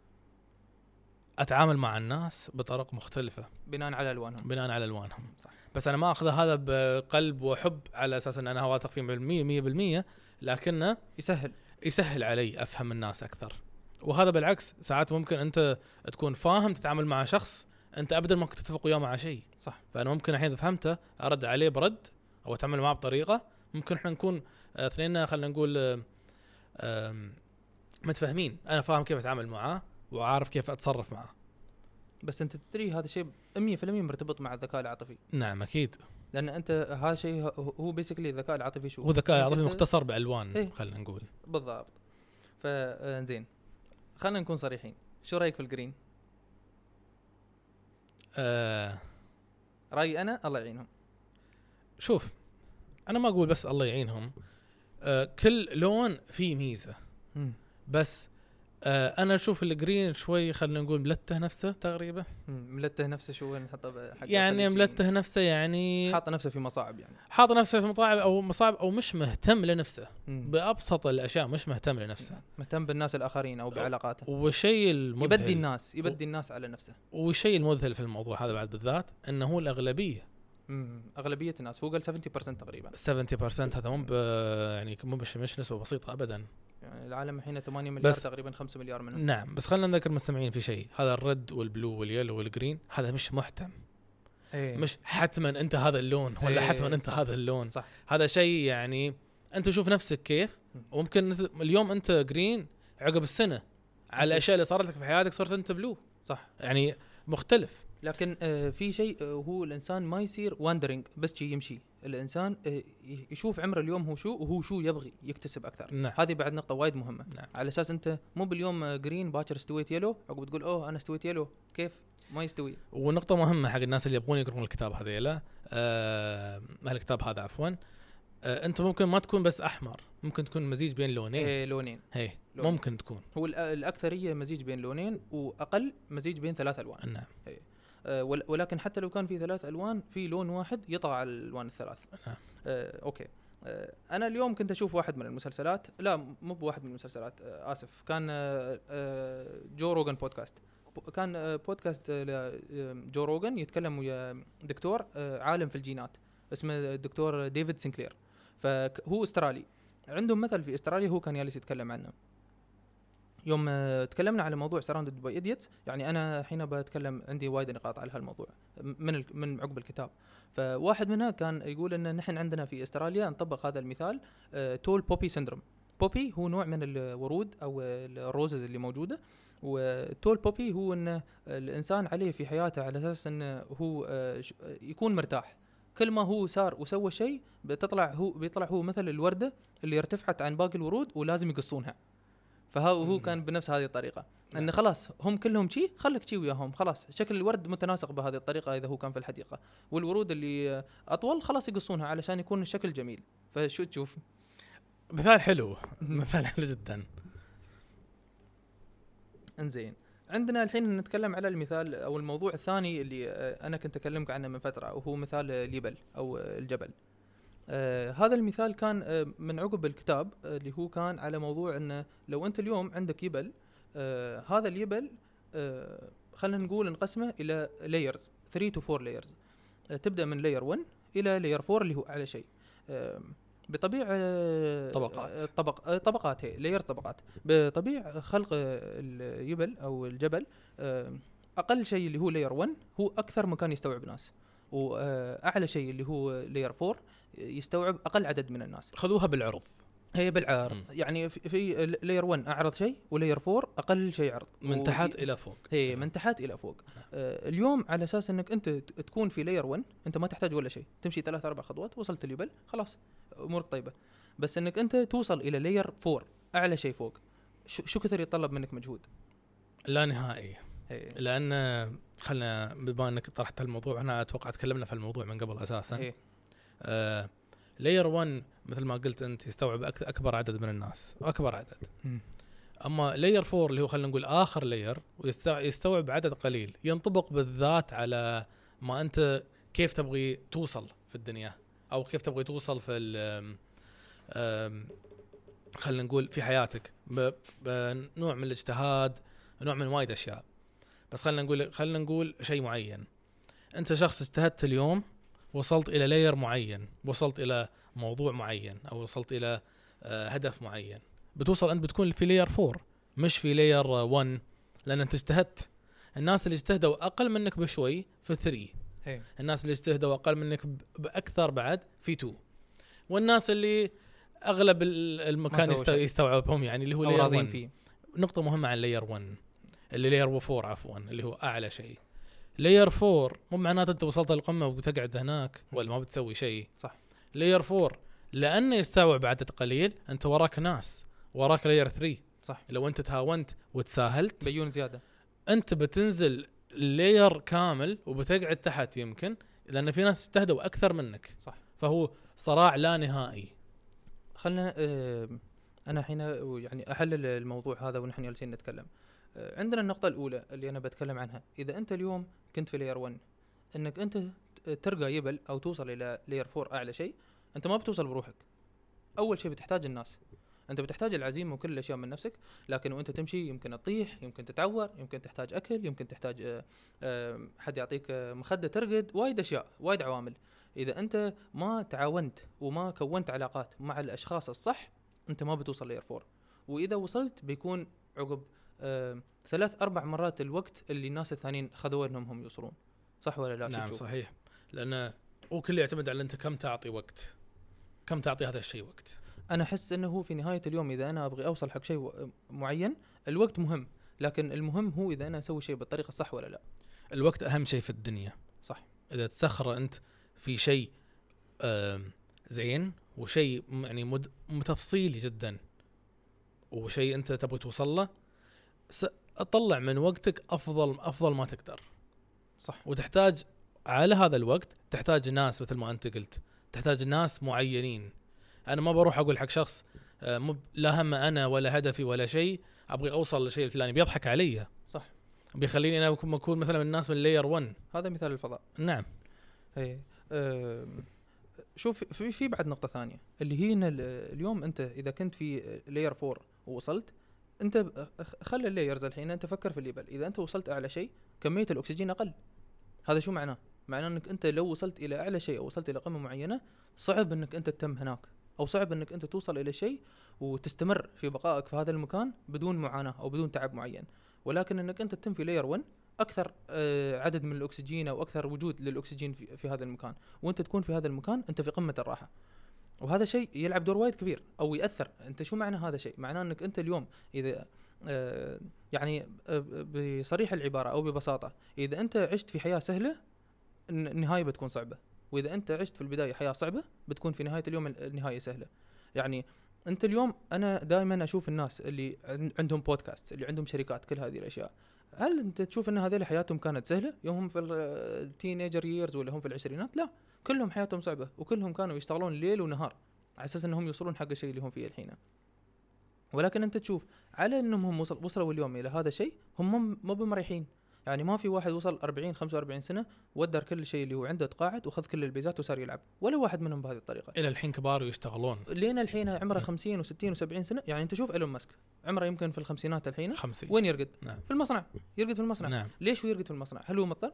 إيلون ماسك يقدر يشتري قصور مو بقصر واحد، بس ليش هو ما يسوي هذا الشيء؟ لأنه هو مدرك إلى شو هذا الشيء، وهو مر في كل التجارب من قبل، وشاف هو شو يحتاج على أساس إنه هو يوصل لين القمة أو لين layer 4 وعرف إنه هو آه، من أهم العناصر على أساس يوصل إلى هذا الشيء هو يحتاج team.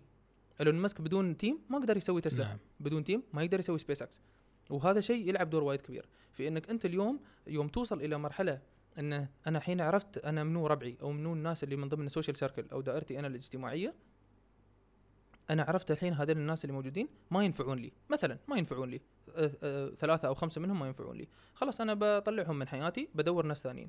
تعرف إنك أنت ممكن عادي تم ثلاث خمس سنوات بروحك. ممكن تم عشر سنوات بروحك. ولكن لما إنك أنت تلقى الصحبة الصحيحة لازم تدورها وتتعب عليها. نفس أنت الحين يوم تي ليش آه، لي- آه، الحين أنت نفس آه، في آه، بيت حق المتنبي يقول أما ترى البحر تعلو فوقه جيف وتستقر بأقصى قاعه الدرر أو الدرري اللي هي إن أنت يوم تشوف البحر من فوق شو كله سمك ميتة السمك ما يطلع برا البحر لكن وين أنت تلقى الدرر؟ وين تلقى آه، كل اللؤلؤ وكل هذه الأشياء؟ تحت. في عمق البحر. وهذا شيء صعب شو معناه؟ معناه إنك أنت صعب إنك أنت توصل إلى شيء. وما في شيء في الدنيا وايد حلو أنت بتلقاه إلا إنك أنت وصلت إلى أقصى آه يعني آه، نفس آه في المثل هذا إلى القاع أو إلى شيء وايد صعب أو من بعد عناء أو من بعد وقت طويل. نعم. إضافة إلى ذلك في ناس أو في ناس دائما عندها المفهوم الخاطئ انها تربط النجاح بالعمر. اي وهذا شيء مؤثر جدا وسلبي جدا. صح. في ناس يوصلون إلى عمر بدون ذكر العمر أساسا. يعني يختلف من شخص إلى شخص. ممكن يقول لك أنا وصلت عمري آم، 50 سنة. وال 49 سنة اللي طافوا هذه ما سويت فيها شيء.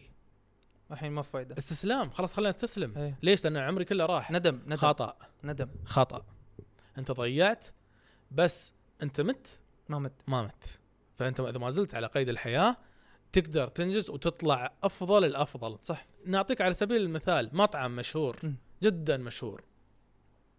يبيع fried chicken م. اللي هو كي اف سي. صاحب كي اف سي متى بدأ؟ م. مسيرته متى بداها؟ في عمر ال 64 سنة.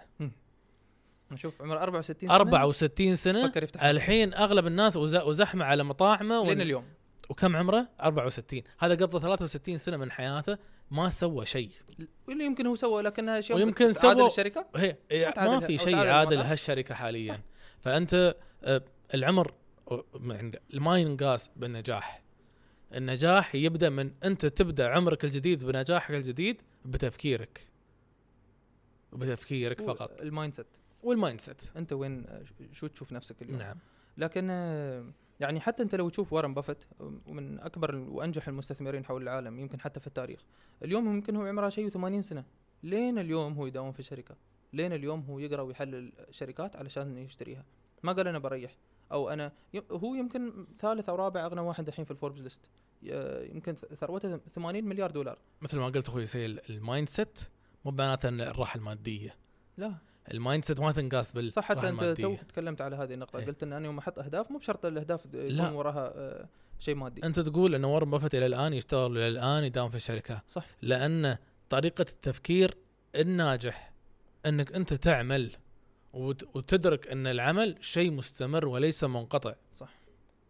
ما يقول لك ما ما ما ينقطع عملك إلا إذا مت هذا بالضبط ينطبق على هالموضوع زين شو تشوف الحين على موضوع الصحة النفسية؟ شو تشوف الناس؟ وشو تشوف آه، يعني كيف آه، الربط بين آه، الذكاء العاطفي مع الصحة النفسية؟ وربط كبير بين الاثنين لكنه متفرع. أنا خليني اتكلم عن الصحة النفسية بشكل عام. صحتك النفسية ترفلكت أو لها أثر على حياتك وحياة من حولك. إنزين. إيه. وخلنا نقول لأن لها أثر الاهتمام بصحة النفسية ما تي بس من حول الن- الناس اللي حولك يهتمون فيك أنت أول شخص مسؤول عن صحتك النفسية. طبعا إحنا ما نتكلم عن الناس اللي عندهم أمراض الله يشفينا ويشفيكم. صح. إيه إحنا نتكلم عن الناس اللي هم يتحكمون بصحتهم النفسية.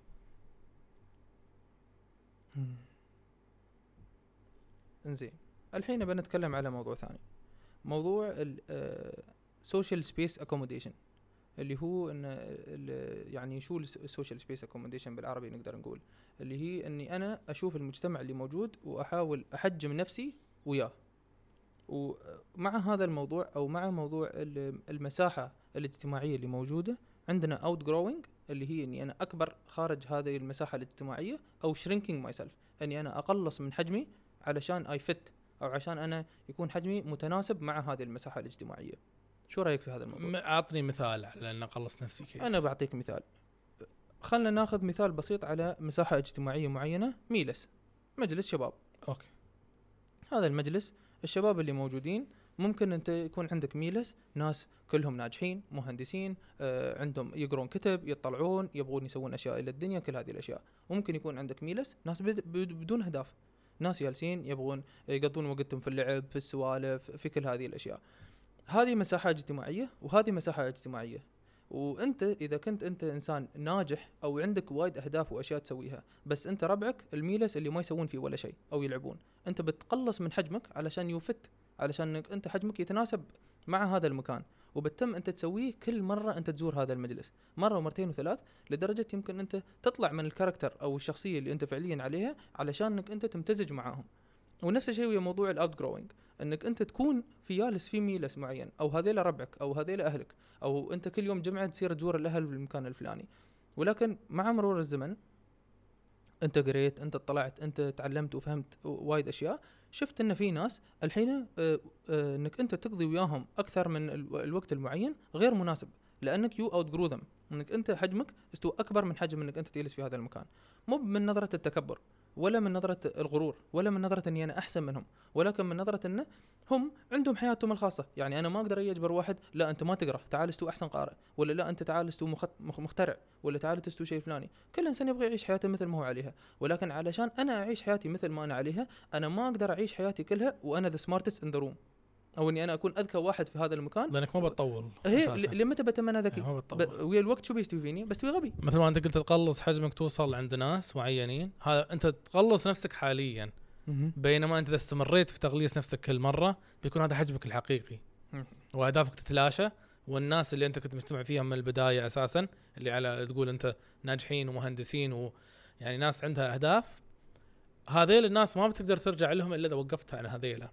إذا صح. قلصت نفسك ورجعت إلى ناس يعني بلا أهداف إحنا ما نقول الناس ابدا يعني إحنا نقول ناس هذا يعني مثال مثال نتكلم عن مثال. الناس ما إيه. نلخص في الناس هي.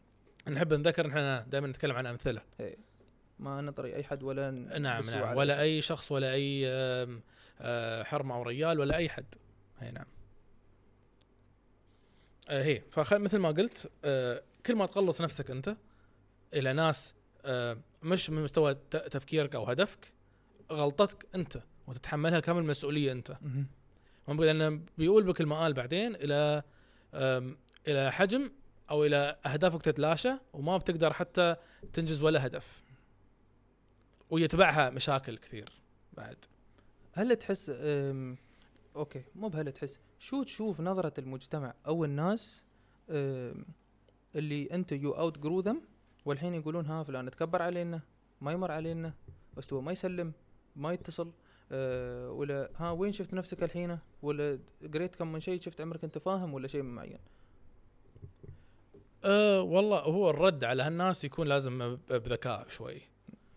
لأن كيف التعامل معاهم حتى أصلا؟ بعد مو بأنك أنت ترد عليهم يمكن أنت تقلل من سيراتك إلى هذا المكان. أوكي بقلل أكيد لكن التعامل معاهم بيكون مختلف تماما. إذا أنا أعطيتهم أه هم يدورون مني الكلمة إن أنا صرت أحسن. زين. لأن هذا في نظرهم هم إن أنا صرت أحسن. بينما هل جيت أنا قلت لهم أنا أحسن منكم؟ أنا ما قلت. هم شافوني صرت أحسن بنظرهم فبالتالي أنا أحسن صرت. أما سؤالي أنا للناس ليش العتاب؟ مو بس هذا الشيء. أنت شفتني استويت أحسن ليش ما تفرح لي؟ هذا هذا رقم واحد بس هذا يفرح لك هذا صديق. يفرح لك هذا لا بس هذول الناس أنا أسير لهم في الميلس. حتى لو لو شخص قال لك أنت وين وصلت وكيف شي وصرت ما تسلم وصرت ما أدري. أنا ما صرت. ولا ما تطلع ويانا هالكثر. أنا هذا أنا. أنت منزعج إن أنا وصلت ليش تعاتبني؟ صح. هل هذا شيء أنا أعاتب عليه؟ لا طبعا. هذيل الناس لازم تستخدم معهم آه، تفكير شوي حكيم في الرد. آه، سالفة إن أنت نجحت وإن هم يقول لك أنت نجحت أنت لا تجيبها لا تجيب حتى طاريها. لا لا. أنا موجود. بس هذا أنا. هذا أنا. أما أنت ليش تعاتبني؟ هذا السؤال. العتاب إنك أنت تعاتبني معناته أنت فرحان لي. تو كنت تقول لي سيل إنه ليش ما تفرح لي؟ إذا كنت صديق أفرح لك. فعلا. هذا هذا هذا اللي نحن الحين نحن هذا اللي نشوفه منهم. لأن إذا شخص انزعج من نجاحك لا تعتبره صديق. صح. هي. حتى حتى لو حتى لو مو بصديق حتى لو من الأهل. أنا دائما عندي يعني هذه النقطة وهذه وجهة نظر شخصية وأنا متحفظ عليها صراحة. إن أنا يي واحد يجي ويسيء الفهم أو آه، يربط ما بين آه، صلة الرحم وما بين آه، النجاح أو الفشل أو إن هذا الإنسان يحب يشوفني أنجح ويحب يشوفني أفشل. مو بشرط إذا أنا إنسان لا هو أمي ولا هو أبوي أنا أسير أزوره مرة ومرتين وثلاث وأنا أشوفه ما يفرح لي وأشوفه ما يبارك لي. وأشوفه هو إذا شافني أنا أنجح ولا مرتاح ولا سقت السيارة الفلانية ولا زرت المطعم ولا حتى سافرت مع أن هذه الأشياء مو بمعايير للنجاح أساسا. ولا حتى علاقتك زينة مع الناس. بس يشوفك أنك أنت مرتاح تشوفه يبدأ يسوي لك مشاكل أو يسألك أو تعرف شوف في بعض الأحيان يحاول يفشلك. أنا شفت شايف ناس أو حتى أنا كنت موجود في جلسات يسوون شي في الناس. وهو جالس في المكان يسأل على موقف محرج ولا يحاول يسوي له شيء. زين شو ليش أنت زعلان؟ ليش أنت منزعج؟ هذا نفس الشيء اللي أنت كنت جالس تقوله. أن اليوم أن أنا ما سويت ولا أي شيء وأنا بالعكس لو أنت نجحت واستويت أنجح مني أنا ما عندي أي مشكلة. بس أنت يوم تشوفني أنا بهذه الطريقة ليش؟ ليش؟ وهذا لو كان من الأهل أو كان من الأصدقاء. لكن هني الحين هذا السؤال الجاي. آه اليوم إذا أنت شفت ناس تعامل أنت تعامل أنت شفت لعمرك you outgrow them لكن أنت ما تكبرت. على أنك أنت you outgrow them بعدك ترد تزور هذا المكان أو الميلس أو تمر على أهلك ولا شيء معين. هل القرار الصح أو هل هو قرار صحيح إنك أنت اليوم تقطع علاقتك فيهم؟ إذا كانوا أهل؟ م- م- آه بغض النظر الحين أنت تتكلم أهل ولا أصدقاء ولا في الدوام ولا شو ما. أنا آخذ الموضوع على آه، الأهل خلينا نقول. أوكي. إذا أنا في ناس يعني شباب أو غيره من نفس يعني آه، عمري أنا أحس إن أنا outgrow them. وأنا كنت جالس معاهم أو أقضي وقت معاهم أكثر آه، أكثر من قبل. هي. أو عفوا قبل آه، أكثر من الحين. زين. الطريقة الوحيدة اللي بتعامل معاهم فيها أو بالنسبة لي أنا وجهة نظري يعني أن أقلل منها أو أخليها محدودة. كلامي معاهم يقل التقائي معاهم يقل بشكل مو بمعناته أن أنا أقطعهم من الناس هذيله إلا في حالة واحدة. على الناس اللي أنت ذكرتهم حاليا. ما يفرح لك. إذا لا إذا حاول شخص آه خلينا نقول مثل ما تقول بالعامية يدوس لي على طرف. أو يفشلك. أو يفشلني. لا. هني سامع أنت هنا هني بقول لك شيء. هني أنا ما بحاول أكون قاسي بس أنا بحاول بما أنك أنت حاولت تفشلني أو حاولت تقلل من اللي أنا سويته ممكن أسألك أنت شو سويت؟ مم. بكل بساطة بكل احترام وبكل هذا أنت شو سويت؟ أنا بالنسبة لي هذا اللي سويته أنا شيء طيب وشيء مفرح بالنسبة لي. إنجاز لنفسي. إنجاز لنفسي. مم. آه ما سويته لك مع كامل الاحترام سويته لنفسي. فإذا أنت مو بعاجبك لا تحاول تقلل منه لأن أنا ما يهمني إن أنا أرفع منك أو أقلل منك كشخص. ويكون استهزاء أو نقد. اي يكون استهزاء أو نقد بس بالتالي بس أنا عشان اوصل إذا إذا أنا رديت عليه بنفس الأسلوب أنا أنزل بنفس مستوى التفكير. وهذا مش أنا. لكن أنت تعرف أنا شو شفت؟ يعني أنا الحين ما أتكلم على أمثلة ideal أو هي يعني أشياء مثالية. مثلا كيف آه شو لازم ترد عليه ولا هو شو كيف هو قال لك ولا شيء. أنا أتكلم على أشياء أنا شفتها. آه ال- الوقت اللي أنت تسأل فيها الشخص الثاني ترد عليه أنت شو سويت؟ ينزعج. وايد ينزعج. لأنه هو أزعجني باللي أنا س... أزعجني باستهزاء باللي لا أنا لا أنا سويت ما فيه. أقول لك إنك أنت مش لا- رد هي. هي هي. لأن لو أنا رديت آه، سامحني قاطعتك. مم. لو أنا رديت ليش أنا قاعد أذكر الشيء اللي أنت كيف ترد؟ مم. لأن أنت ممكن فرحان جدا وهو يخرب ب- عليك الفرحة. لا إذا هو داسلك على طرف أنت ممكن تنزل إلى مستوى تكون أنت زعلت لأن أنت كل حد فرحان لك وأنت فرحان لنفسك صح. ويجيك شخص يخرب لك هذا كله. صح. وهذا جدا سيء. والإنسان يتأثر بالأشياء السلبية أكثر من الأشياء الإيجابية نعم ترى. وأسهل أسهل تدخل مخك الأشياء السلبية. فالرد يكون ليش أنا أتكلم عن الرد؟ لأن الرد يكون في يعني خلينا نقول في نيوترال لا يكون سيء ولا هو ولا يكون لطيف لأن أنت الإنسان هذا لازم ما تكون لطيف معاه ولا تكون سيء معاه. مع إنه هو سوى لك شيء مو بزين. هذا كله مو في سبيل أنت كيف ترد عليه لا لا. في سبيل صحتك أنت النفسية والعقلية. عشان أنت ما تخرب مزاجك. عشان ما تتأثر صح. فقط لا غير. إيه بس آه، يعني آه، أنا كانت نقطتي إن يعني أنا شايف ناس آه، الوقت اللي رد عليه ويقول له أنت شو سويت؟ ولا أنت ما سويت شيء؟ ولا أنت شو سويت في الجامعة؟ ولا أنت شو- مكانك في الدوام الحين ولا شيء؟ ينزعج وايد. يعني إذا أنت اليوم جيت يمكن أنت كنت يا أخي منجز يمكن أنت صاحب شركة ولا يمكن أنت ما تسوي ولا شيء. ما ما ما عندك شهادة جامعية ولا ما تداوم ولا ما تداوم زين ولا شيء. آه، إذا أنت في هذه المكانة وما ترضى حد يتكلم ليش تي تتكلم على شخص ثاني؟ لا هو سوى. يمكن هذا الشخص وايد ناجح في الجامعة ولا وايد ناجح في الدوام ولا عنده كم من سيارة. يعني شفت بعض الأمثلة واحد يشتري سيارة غالية. أنت ما تعرف تشتري سيارة؟ الحين شو شو فائده هاي السيارة. تشيكاتها غالية وايد فيها خرابات. زين انت ليش زعلان؟ آه، في. آه، هالنوعية يعني مو بقليلة أساسا. لكن الواحد يتفادى هالنوعية. ويعني كيف أشرح لك إياها؟ أنا عن نفسي بغض النظر لو أنا كنت ناجح وواحد يا حاول ينتقد اللي أنا سويته أو حاول يلوم اللي أنا سويته أو يقلل من شأن اللي أنا سويته سؤالي له يعني من ما كان يكون أو أي شخص يسوي هالشيء آه ليش؟ ما في أي سبب. صدقني ما في سبب. ما في سبب. ما في سبب. يعني خلينا نكون آه، واضحين؟ واضحين؟ لو في سبب واحد فهو الغيرة. مم. فقط. فقط. أما عطني سبب عقلاني آخر صفر. تعرف هذا يعني دائما يقول لك إن نفس ما أنت قلت على موضوع الروكبتم إن الإنسان ما يوصل إلى روكبتم إلا إنه هو مر في آه، سلسلة متكررة من وايد أفعال. نفس الشيء موضوع الغيرة وموضوع الحقد أو موضوع هذه الأشياء إذا الإنسان ما ينتبه له يؤدي إلى مآل مو مو بزين ابدا والكذب مو بزين. والكذب. هذا واحد بعد مصيبة هذا. بعد أعلاهم. وأسرعهم الوصول مم. لأنك هاي العادة بالذات بس تكتب على نفسك. الحين نتكلم إحنا هذا أول شيء. أنت تكتب أول شيء على نفسك. بس الكذب والكذب والكذب أسرع طريقة توصل للروك بوتم. لأنك أنت تمارسها مع كل من حولك وأولهم نفسك. تتصنع. تتصنع. مو بنت أنت مو بنت بس عند عندما يكت... يعني يتم اكتشافك أنت من جميع الناس خلاص. الأثر ال... الأثر النفسي عليك أنت يوصلك بطريقة غير طبيعية للروك بوتم. وأنت الوحيد اللي تعاني من هذا الأثر. نعم. يعني لو هم اكتشفوك أنت اللي بتشوف إن أنت يعني من كثر ما أنت تصنعت شيء استويت أنت هو فعليا عليه. نعم. وتجردت من الشيء اللي أنت كنت وهذه. عادة جدا سيئة يمكن الواحد ما يقدر حتى يبطلها اذا بدأ فيها. مصيبة. في نقطة ثانية أنا كنت بتكلم عنها آه اللي هي آه يسمونها ال 18 40 60 رول اللي هي إن يوم أنت عمرك 80 18 سنة آه تتحسب إن كل الناس يف- يفكرون فيك وأنت محور الكون وكل هذه الأشياء.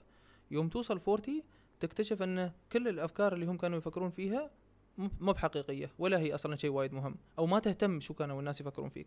يوم توصل 60 تكتشف أن الناس أصلا عمرهم ما فكروا فيك أساسا. تماما. فشو تشوف؟ أنا أشوف ان الواحد كل ما يكبر مو بيعقل يدرك أن الدنيا مو متمح- متمحوره كلها عليك أنت على نفسه. زين شوف أنا بقول لك شيء يوم أنت قلت هذا الموضوع. من فترة يمكن يعني فترة وايد قريبة.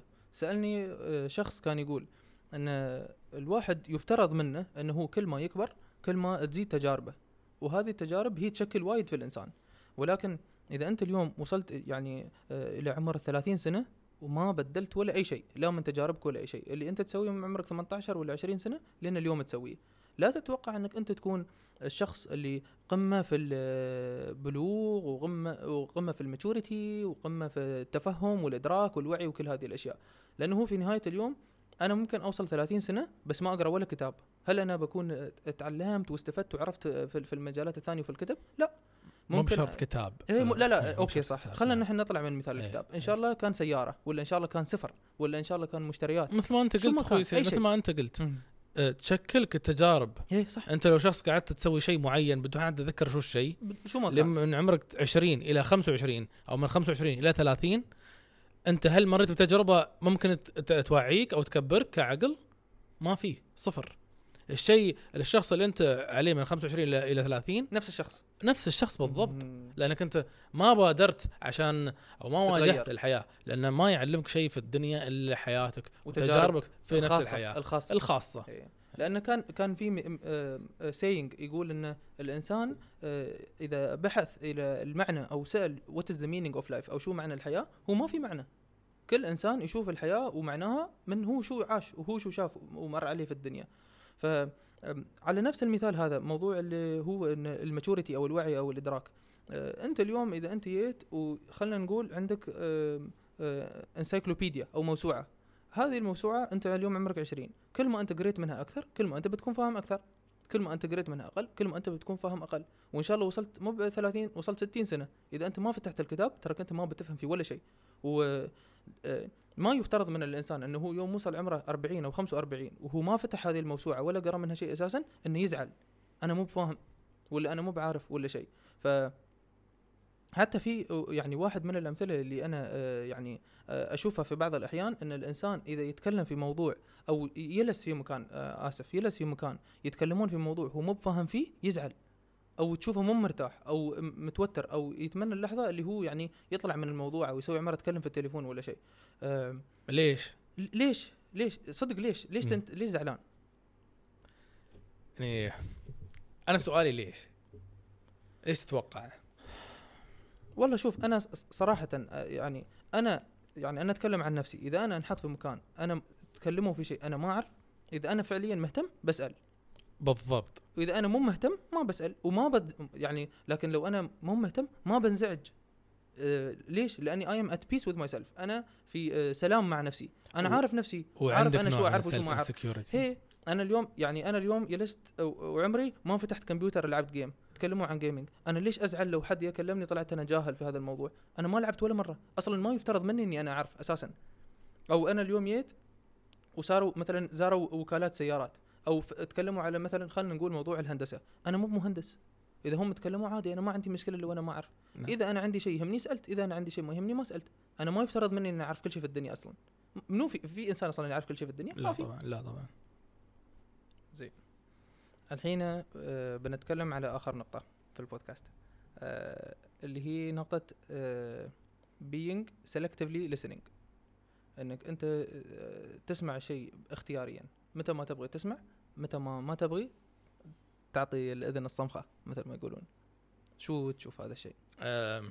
تختار. أنت شو تسمع له؟ بس شو تشوف أنت هذا تصرف إيجابي ولا سلبي؟ إيجابي جدا. إذا أنت تع- تتعلم شو تسمع له وشو يعني شو ت- شيء تصغيله تصغيله غير عن تسمع له. تصغيله تصغيله تبغى تسمع وتدخل مخك. وتدخل في مخك ويعني تمشي على هذا الشيء. أما تسمع مثل ما يقول لك تسمع مني وظهر مني إيه. اللي بدون شيء. فأنت يعتمد على الشيء أنت شو هدفك؟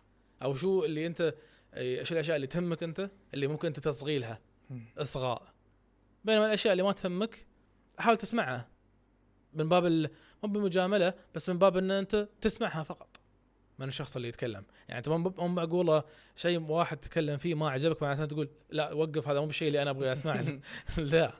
فأنت تسمع غير وتصغي غير. شوف أنا عندي نقطتين على هذا الموضوع. النقطة الأولى هي إن يعني أنا سمعت من عدة ناس ناجحين أو يعني في مثل لقاءات أو محاضرات أو شيء كانوا يقولون انه آه، موضوع إني أنا أكون سلكتفلي listening أو إني أنا أختار شو الشيء اللي أنا أبغى أسمعه. إذا سمعت شيء ما يعجبني أو يأثر علي أثر سلبي صعب وايد إني أنا ما أدخله في مخي. أو صعب وايد إني أنا أتفادى أثرها السلبي علي. هذه النقطة الأولى. والنقطة الثانية هي إن أنا يعني آه، أنا شخصيا إذا أشوف شخص A و B آه، الشخص B ما يبغي يسمع والشخص A جالس يقول لك كلام يفيده أنا أحس وايد بالإحباط. يعني إذا هو جالس يفيدك يقول لك كلام الحين فعليا أنت الحين في مكان بتكون في مكان أحسن. ليش ما تبغي تسمعه؟ أو ليش تتجاهل؟ أه وتلقى وايد ردود أفعال من الناس. واحد اللي ياخذ الموضوع باستهزاء واحد اللي ياخذ الموضوع آه، كأنه إهانة واحد اللي ياخذ الموضوع يسوي عمره ما سمعك. في تلقى وايد ردود أفعال. أنا فعليا يوم أشوف هذا الشيء يعني أه شعور بالأسف بس شعور بالأسف. على الناس هذيلا تقصد يعني؟ هي يعني على الناس. يعني أنت تظلم نفسك بنفسك. في النهايه كل إنسان حر. اي صح. لا لا أنا ما أتكلم على إيه. حد إنه ليش تسوي ولا ليش ما تسوي. لكن أنا أتكلم بس شعوري أنا الخاص يعني. وش- وشعور سيء إيه. طبعا. طبعا. أنا يوم أشوف واحد يسوي هذا الشيء يعني حرام. أنا أتمنى من كل حد انه يكون أحسن كل يوم. أنا يعني هذا اللي رأيي أنا الصريح حول هذا الموضوع. لأن أنت كل ما تكون أحسن لنفسك تكون أحسن للي حولك. صح. هذا هو اللي آه، being better for yourself. نعم. عندك بعد أشياء نضيفة؟ خلاص. خلاص. يلا. شكرا. جزاك الله خير. وإيزاك شكرا لك. شكرا. استمتعنا. إحنا أكثر. شكرا. مع مع السلامه السلامة.